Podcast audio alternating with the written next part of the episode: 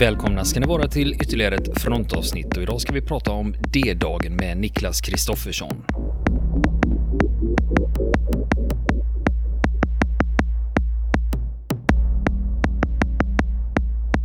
Ja du Niklas, eh, du är ju ganska intresserad av D-dagen. Vi kanske ska presentera Niklas då. Han har en egen podd som heter just D-dagen. Den har släppt en packa avsnitt som handlar om D-dagen och ingenting annat. Och det jag gick in och läste på hemsidan så skriver Niklas att han har hållit på med D-dagen i 40 år. Ja. Det är ju ganska länge. Ja, det har blivit så. Eh, jag var där första gången när jag var eh, ja, 10 år. Eh, och då blir det ju, jag fyller 50 nu till sommaren. Ja, men, det men fråga, var det på eget initiativ eller var det en mamma eller pappa som... Mm. Det är ja, mamma och pappa. Som sagt, vi var eh, flera år på semestrar nere i Europa och eh, ett år så tyckte min mor och min eh, då eh, sju och åttaåriga syster att bada, sola, det var någonting man skulle göra också på semestern så det blev lite omdisponering av eh, reseplanen och så åkte man det då till Normandie och vi hade husvagn. Så det ägget, gammalt klassisk svensk husvagn. Och då var vi ovanför Omaha-stranden och medan de solbadade Eh, där nere på stranden så gick pappa och jag omkring och eh, för en tioåring är eh, denna händelse är ju en hjältehistoria, en, en, en stor sak och vi fick ju tid på att, att titta. Och det här var ju som sagt långt innan man städade upp där och gjorde museer och sådana här bitar. Det fanns museum, det ska jag säga. Men, men, så att där började det, där och då. Men vad visste du när ni kom in dit? Och du visste ju ändå att här har det varit någon form av landstigning. Eller hur, hur Mm. mycket visste du om D-dagen då? Ingenting. Ingenting, utan Ingenting. det var första Det var kontakten. första. Eh, detta är ju då 79, eh, alltså eh, som tioåring 1979. Eh, det var inte mycket man hade läst om krig generellt sett ska jag säga. Eh, så jag visste ingenting utan det var, pappa visste en del. Och det var, jag kommer ihåg en fråga jag ställde för att eh, vi åkte och tittade på den här eh, eh, konstgjorda hamnarna de hade gjort det. Eh, och då frågade jag, fick de komma hit först och sätta upp dem innan de anföll? Det var en sån här typisk fråga som vittnar om att jag, nej, jag visste ingenting. Det var tomt, men efteråt var det väldigt mycket. Och på vägen hem mot Sverige så babblar jag nog väldigt mycket om eh, den här upplevelsen. Eh, och som jag sa nu precis, det är ju en hjältesaga i någon mening, i, mitt i ett, ett hemskt krig. Ja. Men hur, när du kom hem sen, Ja. då... Jag får, får bara säga, eh, på vägen hem så tyckte de att jag var lite för fascinerad av krigets eh, eh, alltså, glädje, höll jag på att säga. Det var ju hemskt. Dynamik. Ja, eller händelser och jag menar som tioåring har man ju lekt cowboy indianer och krig och så vidare. Så de tyckte det var lite för mycket, så då stannade de till vid Bergen-Belsen. Och då gick pappa och jag eh, av och han gick och berättade vid de här eh, högarna av, av gravar helt enkelt med flera tusen i. Berättade han om den helt andra eh, penangen till, till eh, eh, krig som en hjältesaga. Så jag fick redan från början en relativt ja, balanserad syn på vad krig är. Men sen när du kom hem då? Längsta dagen. Det var ett väldigt internt skämt. Ja. Jag behöver inte ens förklara det. Nej, det är, jag tror de flesta som lyssnar på den här podden de vet vad längsta dagen, det är ju liksom en klassiker i, i allsköns mening. Både eh, boken och filmen. Eh, och den fanns ju i biblioteket. Det här var återigen 79, eh, 80. Ingen Amazon, ingen internet, eh, utan man fick hålla till godo till det som så att säga fanns i historieböckerna. Eh, av olika slag. Eh, biblioteket och låna. Men längsta dagen, det, det är liksom, ja. Och där vill jag förresten slå ett slag för de svenska folkbiblioteken. För Mm. eh, om man tittar på bi- bibliotekarier idag, vad de läser på Bibliotekshögskolan i Borås eller någon annanstans och sen går de och ställer sig i ett bibliotek. Och idag Mm. så är det många som söker och så när man väl antingen läser du e-bok eller så lyssnar du på ljudbok. Ja. Men du kan fortfarande gå till ett bibliotek och träffa en riktig bibliotekarie och de brukar bli väldigt glada när man kommer fram och har, för de är ändå utbildade. Absolut. Men när ska de få användning för all det här, alla de här terminerna de har lagt ner och fått lära sig hur man hittar grejer. Så att de är väldigt, väldigt hjälpsamma och de brukar bli störtförtjusta när man dyker in och har specialförfrågningar. För ofta är det så här att även om de, då säger de så här, vi har ju inte den här, men KB har ett ex, ska Ja. jag, bes- alltså Kungliga biblioteket Ja. i Stockholm, ska jag beställa det till dig? Vilket betyder att du har tillgång till väldigt mycket litteratur, fast du inte har det på ditt lilla lokala bibliotek. Så. Så att det är faktiskt en bra Ja. eh, ingång om man vill lära sig någonting. Du Ja, börjar den gener änden. generellt sett är det ju eh, dessutom så att eh, i dagens medieklimat om källkritik och så vidare får du också oftast en bra start. med råd och hjälp vad man ska läsa om man är intresserad av ett ämne. För att nätet i all ära, det finns det mesta naturligtvis. Men allt har ju sin, sitt perspektiv när man går ut på internet, så det, det är en väldigt god idé faktiskt. Mm. Men du började med Cornelius Ryan, den Ja. längsta dagen. Ja, och sen var det, eh, jag har för mig att, eh, nu är jag lite sådär med minnet, men det finns, eh, det fanns ju flera böcker, bra böcker har haft en sån här eh, eh, serie om andra världskriget. Det fanns ett antal eh, om just andra världskriget, eh, där eh, invasionen och D-dagen fanns med som delar, givetvis. Eh, Men sen, liksom, det var på den nivån på den tiden. Det är ju inte sen när jag, förrän jag blev lite mer vuxen eh, och jag flyttade till Stockholm bland annat och var på Stadsbiblioteket i Stockholm. Helt plötsligt var det ju enormt mycket fler eh, böcker att låna. Eh, även om man hade frågat en bibliotekarie i Glumslöv eller Landskrona där jag då bodde. Eh, Så finns det ju större utbud eh, naturligtvis i, i Stockholm. Eh, Och sen eh, ett tips är ju att faktiskt till eh, Försvarshögskolans bibliotek, den är ju öppen för allmänheten. Så där har du ännu mer eh, möjligheter att, att eh, låna böcker inom eh, militärhistoria. Mm. Det var ett bra tips, den har jag faktiskt inte hört Jo, förut. mm. Ja. En god väns bror jobbade där, så det var därför han sa att jag frågade honom om jag kunde få utnyttja honom och låna. Varför det? han, ta med ett bibliotekskort. Så det, och det är det vanliga kommunala bibliotekskortet som funkar där Ja, också? ja, ja, ja, ja, det är det. Eh, det kanske är något specialt, du behöver, ja, men det, det är inget, alltså du behöver inte ha någon, eh, någon special eh, eller liknande. Det är ett vanligt bibliotek helt enkelt. Men eh, du forts- jag förstod att du fortsatte läsa, men sen, eh, Mm. när kom du ner till Normandie nästa gång då?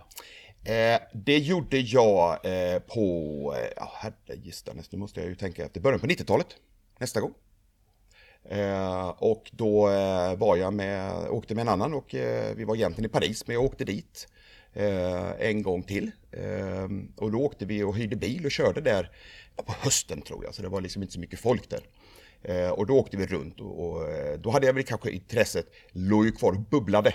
Eh, men den hade inte utvecklats speciellt mycket på den tiden. Men då började det igen och då hade jag ju blivit vuxen, flyttat hemifrån. Och, och var faktiskt vid den här perioden jag flyttade till Stockholm, just som jag nämnde, att, att eh, man gick till biblioteket och började låna böcker. Eh, det finns ju en serie som, som ehm, engelsmän engelsmännen har lagt ut som heter Then and Now. Eh, en, en enormt stora alltså faktaböcker stor, i stor storlek. Och för just D-dagen så finns det två sådana. Då har de liksom tittat på bilder, hur ser det ut idag och hur ser det ut då? Och det är väldigt mycket i England från början, till exempel om alla flygfälten och platserna där de tränade. Och, och det, idag är det bara åker. Och det kommer jag ihåg, den boken. Eh, de två böckerna lånar jag, för nu äger jag dem själv, men eh, eh, jag har köpt dem, men det lånade jag första gången vid den här perioden. Och då får man upp ögonen lite mer för förståelsen, vad som händer, skeendet. Det är inte bara det vi idag vet om Band of Brothers och Rädda Ryan, Ryan och så vidare, utan det liksom finns ett stort skeende bakom. En händelseutveckling som egentligen började egentligen med Operation Dynamo, när, när engelsmännen hämtar hem sina trupper ifrån Dunkirk. Eh, Hur man direkt förstod att man måste komma tillbaka dag. Eh, Och just den här perspektivet att det är lång tids förberedelse för en enorm apparat som naturligtvis hade sitt crescendo den 6 juli. Det började växa på den tiden. Och då är jag intresserad av mer saker. Då ser man hur pusselbitarna hänger ihop eh, när man tittar på historia bakifrån, eller framifrån, bakåt. Men när du kommer ner dit i början på 90-talet och du har ju ändå med dig minnena från 79. Ja, Och eh, liksom, ibland kan det också vara så här med förväntningar att man har läst om det och så kommer man dit och bara Jaha, var det inte mer än så? eh, så var det nog då. Ja, Det får jag nog du hade säga. byggt upp en bild av Ja, lite grann, vara. lite grann. visst är det så. Eh, och jag skulle visa eh, reskamraten då också att eh, så här, är det det här är häftigt och, så vidare. Och egentligen är det ju inte så oerhört häftigt när man är där nere, om jag ska vara uppriktig. Stränderna, visst finns det bunkrar kvar, både här och där, även om erosionen har börjat ta en del av dem. Men det är det man ser och det ser ungefär ut som du kommer ner och tittar på Per Albin-linjen i, västra Skåne. I Skåne, där ligger ju också bunkrarna nere vid, vid stranden. Så att eh, det är ju att man eh, behöver lite eh, information innan man kommer dit. Läs på eller sådär vidare. För att annars är det, det är ett vackert landskap med kustnära små byar och städer och bunkrar. Mm. För jag kan ibland eh, jämföra det med när, när, folk ska beskriva på platser då, när de ska beskriva slag från mm. 1600 och 1700-talet mm. bara, och här stod det 10 000 kavallerister. ja, ja, ja, och det, liksom, man måste ha någon som verkligen kan visualisera att detta eh, hände, för annars är det bara, ja, vi står på, mitt på en åker i, någonstans i Sverige. Och här... Här hände det. Precis, här hade de sin stabsplats. Ja, ja men så är det. Lite grann är det så. Eh, samtidigt så finns det ju då eh, en, i Normandie är det ju, det är så varierat, det är en, en stor sträcka mellan yttersta gränserna. Du har eh, Saint Mary Glees där du har eh, en, en eh, klassisk eh, plast, eller någon form av docka, jag vet inte vad det är för material som hänger med en fallskärm, vi kanske kan återkomma just till den. John Steele som hänger då i kyrktornet, en bit ner i en fallskärm. Han fastnade där på natten och sen har vi i kyrkan så är ju två av kyrkfönster mosaikglasen, det är ju fallskärmsjägare. Eh, och så eh, kommer man ihåg filmen Den längsta dagen. Den är ju eh, i flera delar, bland annat detta med Sankt Mary Glees, inspelad där på plats. Och då har man ju fått, när man väl står där, en helt plötsligt en, en helt annan bild av vad som hände. Ja, man känner igen sig. Ja, det gjorde man. Eh, så är det. Men annars är det är ju, alltså, världens största flotta någonsin, och kommer ju aldrig vara det efter kärnvapens intåg, eh, samlas eh, utanför. Men idag när du tittar ut, då är det några små fiskebåtar, kanske en färja som går till England. Eh, det är klart att det är väldigt svårt att få den enorma bilden, som du säger, av hur stort det här var idag. Då måste du ha läst på, eller som sagt, någon som verkligen kan beskriva hur horisonten var fullt av fartyg. Mm. Så det har det. Men det gäller ju inte bara invasionen i Normandie eller Normandie överhuvudtaget. Det är ju som du säger, Napoleons slag eller eh, vilka slag som helst. Jag minns det var något eh, tv-program med någon eh, som gick igenom gamla slag. Eh, så var det slaget just utanför Landskrona och det var ju bokstavligen på en åker. Mm. Så det fick jag i bild när du berättade just om det här med åker. Man, man står där och jaha, ja, där, där kommer traktor. Men då var det som sagt 10 000 man som marscherade eller något liknande. Det... Mm. Men om vi nu eh, pratar om din erfarenhet här. Du var ju mm. där på 90-talet. Mm. Men låg du och puttra sen ja, det här? Eller? Det, det låg puttra, det ska jag vara ärlig och säga. Sen eh, började jag köpa eh, antikvariat, gick till antikvariat och köpte, hittade gamla böcker. Jag hittade eh, Eisenhowers eh, memoarer, Crusade in Europe. Eh, och då hittade jag, den hittade jag dessutom på, gick på, det var en tv-serie senare också. Eller ett, ett eh, ja en tv-serie helt enkelt. Så att, eh, eh, den minns jag, den har jag kvar, det är en originalutgåva då från, jag tror det är efter han lämnade som president som någon gång i början på 60-talet. Eh, han, eh, det är flera sådana exempel när man hittar ett antal böcker eh, som sammantaget ger en bild eh, på en helt annan bredd än vad du naturligtvis kan göra med en bok eller några böcker. Och när det började, då fick jag, började den här manin med att läsa allt som finns. Började komma riktigt, riktigt ordentligt. Och sen kom internet och sen kom Amazon. Sen kom den här möjligheten att, att eh Eh, beställa böcker från antikvariat i Australien. En gång har jag gjort det. Hittade en bok, det var en engelsk bok, jag kommer inte ihåg vilken av dem det var, men ja, det hittade den i ett antikvariat i, i uh, Australien. Och så byggdes det på rejält. Uh, och sen har jag ju under kanske då, ja, vad kan det vara nu, 2017, 15, 20 år nästan, förutom skönlitterära böcker och arbetsmaterial, då är det sådana här böcker jag läser om det dagen. och kriget. Mm. Om man tittar på ursprungsländerna för den litteraturen ja. du väljer. Mm. Uh, för ja, det finns ju en, eh, du har tagit med några exempel på några böcker mm. där vi ska prata om dem sen. Mm. Men om man då tittar på hur mycket är amerikanskt, hur mycket är brittiskt och vad, vad finns det från Tyskland och de, an, de andra länderna? Vad, hur ser utbudet ut?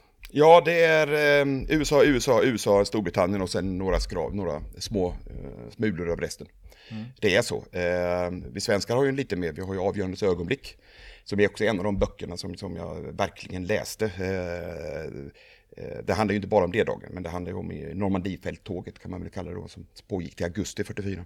Eh, men det är amerikanerna. Eh, det är eh, jag tror vändpunkten i amerikanernas intresse för just D-dagen kom 1984. 40-årsjubileum, Ronald Reagan, eh, mitt i alltihopa var det ju då ett kallt krig. Eh, och han utnyttjade detta mot Ryssland genom att använda sig av nazisterna, eller tyskarnas, eh, som motståndare då. Eh, han höll två berömda tal och ett är The Boys on Pointerhock. Eh, där han hade då samlat, stod ute på en vindpinad eh, klippkant där uppe vid Point Hock där eh, amerikanska rangerbataljonen klättrade upp. och den andra ska jag säga, för det fanns en femte också. Eh, och där satt eh, veteranerna där och han talade så att säga till dem. Och då började den amerikanska allmänheten äntligen eh, ha lämnat mentalt Vietnamkriget och 70-talet bakom sig. Och då börjar man uppmärksamma den här generationen amerikaner och då kom böckerna också. Oerhört mycket böcker från USA. Eh, och det, det, är det mesta som fortfarande kommer ut är ju amerikanska, så ska vi vara ärliga och säga. Mm. Och sen är det en hel del brittiska som är lite, oftast lite torrare, eh, lite mer historiska, medan amerikanerna är ofta lite mer eh, personliga, handlar om människor och, och lite mer populär historia. Tyska, ja, ja, ja eh, någon finns, men det, det, är oftast av teknisk karaktär, om Atlantvallen till exempel. Och, och, och eh, några böcker har jag om eh, Spi, eh, Spiedel, som var stabschef åt Rommel. Eh, han har skrivit om, om, eh, om Rommel och invasionen till exempel, den gavs ut på tyska först. Men samtidigt var ju Spiedel då NATO-chef när han skrev den boken och så vidare. Så det blir ju ett västerländskt eh, perspektiv på det. Ja, det är anledningen till att jag frågar om det. För när, när det gäller den amerikanska historieberättandet så blir det ju ofta ett amerikanskt fokus. Mm. Precis som när vi svenskar ska berätta mm. om någonting. Till exempel när vi ska återberätta om Kongokrisen på 60-talet. Mm. Då är det ju utifrån de svenska truppernas perspektiv. Och det mm. blir ju, blir ju samma sak här. Mm. Att man tar det från de amerikanska ja. och så hamnar liksom, ja just det, så var det några britter och lite kanadensare och lite annat folk med. Så att, eh, ja, du har ju ett ja, exempel ja, ja, Ambrose ja, bok då. Steven Ambrose har ju skrivit, eh, det är ju eh, den främsta och mest produktiva amerikanska historikern som har skrivit populärhistoria och är mycket, mycket viktig för att samla in väldigt mycket vittnesmål från veteranerna, inte bara om D-dagen då, utan under hela andra världskriget. Han är också expert på Eh, Eisenhower eh, historia då, Ambrose. Han har, eh, skapat, har också startat det museum som heter National D-Day Museum eh, i New Orleans. Men han har en bok då, det är en tegelsten här på, nu har jag med mig pocketboken och det är på en 700 sidor, väldigt smått. Och av de 700 sidorna så kanske eh, 60 ungefär handlar om de tre brittiska stränderna och britternas eh, flyglandsättningar. Med ett undantag, och det är Operation Deadstick nämligen eh, andra bataljonen, också Backs eh, anfall med glidflygplan mot Bouvainbron. Bouvillebron, förlåt. Mm. Eh, men det är väldigt mycket amerikanskt perspektiv. Och det är lite grann av att amerikanerna räddade Europa igen, men också den amerikanska citizen soldier, alltså inte yrkesmilitären utan värnpliktiga i stort sett, eller ja det är ju inte värnpliktiga, förlåt, det var mycket frivillighet i början. Men att de liksom tog vapen i hand och, och åkte till både till Europa och till, till eh, Stilla havet. Mm. Slogs, åkte hem igen. Ja. Men om vi då tittar på D-dagen ur, ur ett annat sammanhang. För när man pratar med folk som är intresserade av de här sakerna då säger de att ja, D-dagen är all ära, men Stalingrad då? Ja. Det är liksom att när man pratar om, för ibland man pratar om det här med krigets vändpunkt yep. och liksom vad var de, för det är just när man pratar om de avgörande slagen, mm. vilka var de stora? Vi har El Alamein och mm. vi har mm. Stalingrad och det finns ju sådana, ja. landstigningen i Ansi och liksom, det finns, ju, det finns ju väldigt mycket olika, olika vändpunkter, eller hur man ska säga. Och, och, och då undrar man ju, vad är, ibland eh, diskuteras ju det här utifrån att jo, men det beror ju på att vi lever i en västerländsk eh, mm. kultursfär, det vill säga mm. att vi är influerade av amerikansk media och kultur mm. och brittisk media och kultur mm. och då kan, att de ryska grejerna inte får komma till sin rätt fast de är i många fall mycket, mycket större och det är ja. mer dramatiskt. Och, ja. ja, alltså du har rätt. Så är det. Ehm, Eh, och dessutom är det ju utan tvivel så att eh, alltså, andra världskriget avgjordes inte i Normandie egentligen, utan det var ju på de enorma avstånden i eh, östra Europa. I, i Sovjetunionen och, och Ukraina eh, och Polen och så vidare. Det var ju där kriget egentligen avgjordes, där eh, Stalins armé malde sönder den tyska armén helt enkelt. Vändpunkter sa du, ja eh, det, kommer kan bero på hur man ser. Vi som ändå höll på den, på den västerländska sidan mot nazisterna, kan vi i alla fall komma fram till det, så är det ändå på det sättet att då är ju El Alamein och Stalingrad, vilket för övrigt var ungefär samtidigt i tid, 1942, de är ju de vändpunkterna, för fram till dess hade ju faktiskt eh, tyskarna eh, framgång, skulle man säga, eh, i stort sett hela tiden. Men där vände det och efter det så, så eh, var det ju de allierade som hade framgång fram till krigsslutet eh, fram och tillbaka, men, men eh, trendmässigt var det ju på det sättet. Eh, gör det ungefär som eh, Guadalcanal, ni har ju precis ett avsnitt där eh, om slaget utanför, sjöslaget utanför. Det är ju också en vändpunkt på något sätt, eh, mer nästan än, än, både Midway eh, och de andra slagen eh, på den sidan. Så det är klart, efterhand kan du alltid se vändpunkter, men den viktigaste händelsen under andra världskriget, om vi ska titta på vändpunkter, är ju egentligen när japanerna anföll Pearl Harbor. För det var då USA gick med i kriget. Och efter det så är det ju USA. Alltså USA, engelsmännen fanns ju givetvis i, i Stilla havet, men det var amerikanare. Eh, amerikanerna hade ju, ja, vad var det, 70 procent av alla styrkor i Europa eh, när, när kriget slut. Så det är deras berättelse. Det är amerikanernas berättelse. Eh, och sen ska vi inte sticka under stol med att eh, Amerikanerna kom dit, hjälpte eh, britter och fransmän med flera Eh, att befria eh, Europa, Västeuropa. Och sen lämnar de ju, om jag säger så. Medan det gjorde ju inte Sovjetunionen. Det fanns ju fortfarande skäl till att fortsätta kriget, men nu mot en ny fiende i det kalla kriget senare. Och då, eh, även för oss svenskar, så är ju ja, naturligtvis ryssen och Sovjetunionen numera, är ju inte, vi är inte såta vänner, kan man ju säga. Och med det så, så är man väl lite mer försiktig med litteratur från till exempel forna eh, Sovjetunionen. Eh, för vi tror också att, eh, och vi bedömer nog att det är nog ännu mer färgat av att man vill berätta någonting snarare än berätta om vad som hände. Så visst har du rätt. Det är, amerikansk, det är en amerikansk historia. Så enkelt är det. Mm. Det var ett långt svar. Ja, men det är ofta så att det ofta finns det inga enkla svar på, på speciellt när det gäller stora historiska skeenden så blir det ja eller nej. Ja, nej det finns inte. Ja. Eh, brukar säga, kan, hade tyskarna kunnat vinna? Oh, nej, det beror på. Ja, och så mm. vidare. Eh, I grunden nej. Eh, tyskarna hade ju inte den, den, grundläggande möjligheten att vinna andra världskriget, så enkelt är det. Eh, det skulle till väldigt många saker som inte inträffade eh, i samband med Frankrikes fall och att Churchill inte blev vald utan Halifax har blivit vald och separat freder och hela balletten. Men då är vi inne på kontrafaktisk historia. Eh, och det du egentligen frågar efter det är ju hur påverkar till exempel jag av den amerikanska litteraturen? Eh, eller engelska, eh, den västerländska kulturen. Och då är man ju påverkad, så enkelt är det. Men samtidigt finns det oerhört mycket litteratur. Och den är ju inte styrd någonstans ifrån. Så då blir det ju också så att du får eh, en bredd i berättelserna. Eh, som gör att allting är inte hugget i sten eh, när det kommer till vad som hände den 6 juni. Stora dragen är kända, det mesta är, är, är känt. Men ni hade ett avsnitt om hur jagaren Corry sänktes av Makov-batteriet. Makov uppe i, i, ovanför Utah Beach. Och där har det ju varit tvistemål om huruvida den där båten gick på en mina eller blev bokstavligt träffad av en av de här kruppkanonerna. Eh, och så bara en liten detalj som jag nu kom på, nämligen att ja, det har diskuterats fram och tillbaka och det är klart att då krävs det att du har många sidor, även i historia. Eh, men ja, jag kommer tillbaka till det. Det är en amerikansk historia detta i mångt och mycket. Mm.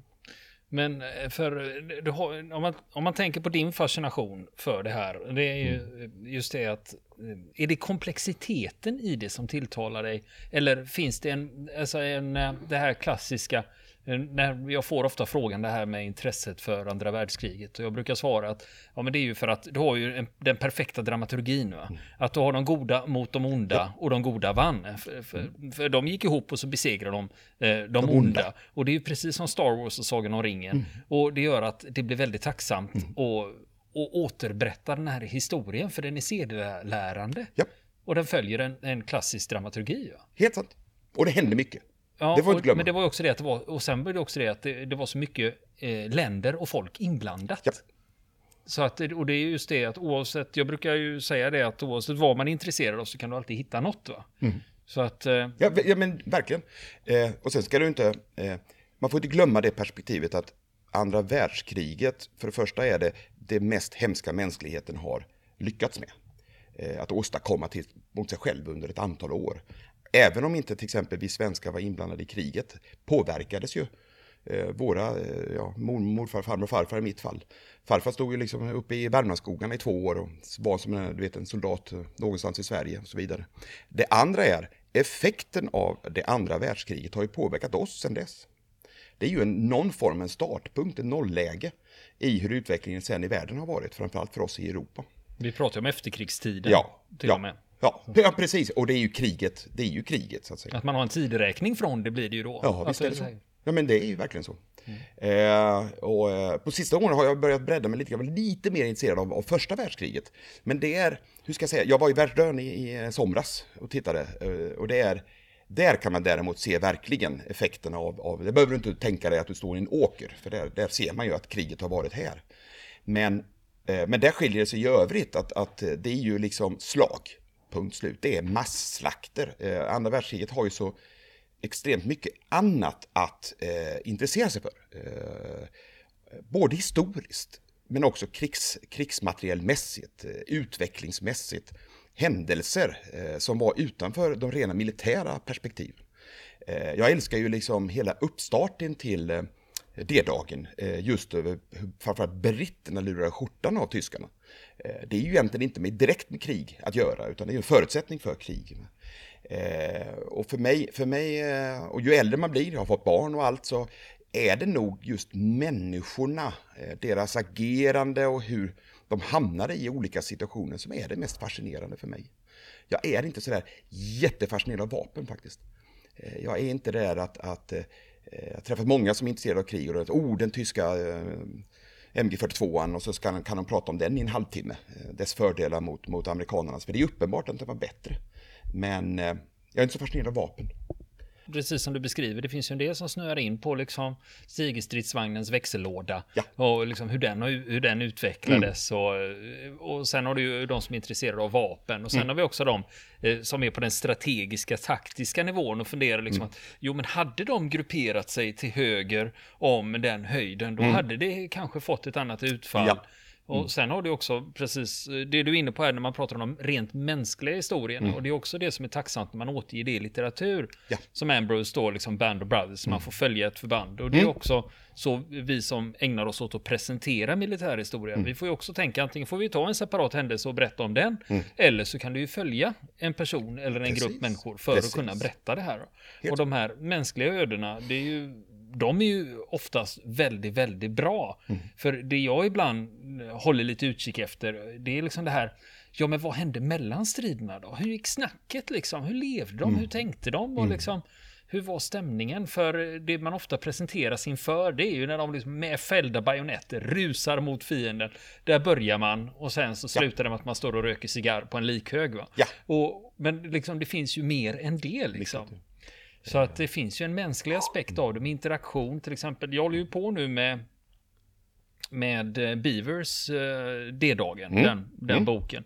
Och där är det också det här med hur eh, att fransmännen bemötte amerikanerna i det här fallet då. Att de bemöttes bättre av civilbefolkningen i Cherbourg, på Cherbourghalvön än vad de gjordes av befolkningen i Normandie. Ja. Och det är också sådana här saker som att det står ju inte i en taktisk eh, redogörelse över någonting, utan det är väldigt mänskligt. Varför blir det så? Ja. Eh, just för, får jag ändå ta en liten teori om varför? ja, gärna. Ja, det är ju egentligen så att eh, för det första så eh, hade ju de allierade bombat, eh, de hade försökt skära av hela Normandie eh, från slagfält, från tyska förstärkningar. Och då hade de ju bombat broar och eh, transportleder och järnvägsstationer och järnvägar, framförallt och vägar, eh, runt om Normandie. Och då hade ju den befolkningen eh, lidit ganska hårt av det. Eh, och för det andra var ju så att Cherbourghalvön eh, intogs ju ganska snabbt. Eh, striderna var ju framförallt runt staden Cherbourg längst upp på toppen. Och det gjorde att det hanns liksom inte förstöras lika mycket som i nedre Normandie. Eh, där striderna pågick i flera månader. Eh, och det, liksom, hela det området var ju helt enkelt förstört. Och det är klart att eh, har du blivit, eh, någon familj eller någon barn eller någon hustru blivit dödad av en allierad insats, ja, då blir man inte speciellt positiv. Man vill inte ha krig helt enkelt. Sen är det för nödvändighetens skull. Ja. För eh, nej, men då, då visar det sig att det finns ju ofta en förklaring som du kunde erbjuda här. Ja. ser man. Hade jag inte frågat hade jag aldrig fått veta. Och nästa vecka fortsätter vi samtalet med Niklas Kristoffersson om D-dagen. Vill ni komma i kontakt med oss så kan ni göra det via vår Facebook-sida som heter Fronten. Det är inga problem för er att leta er fram där. Eller också så mejlar ni på vår mejladress och det är frontenpodcast@gmail.com.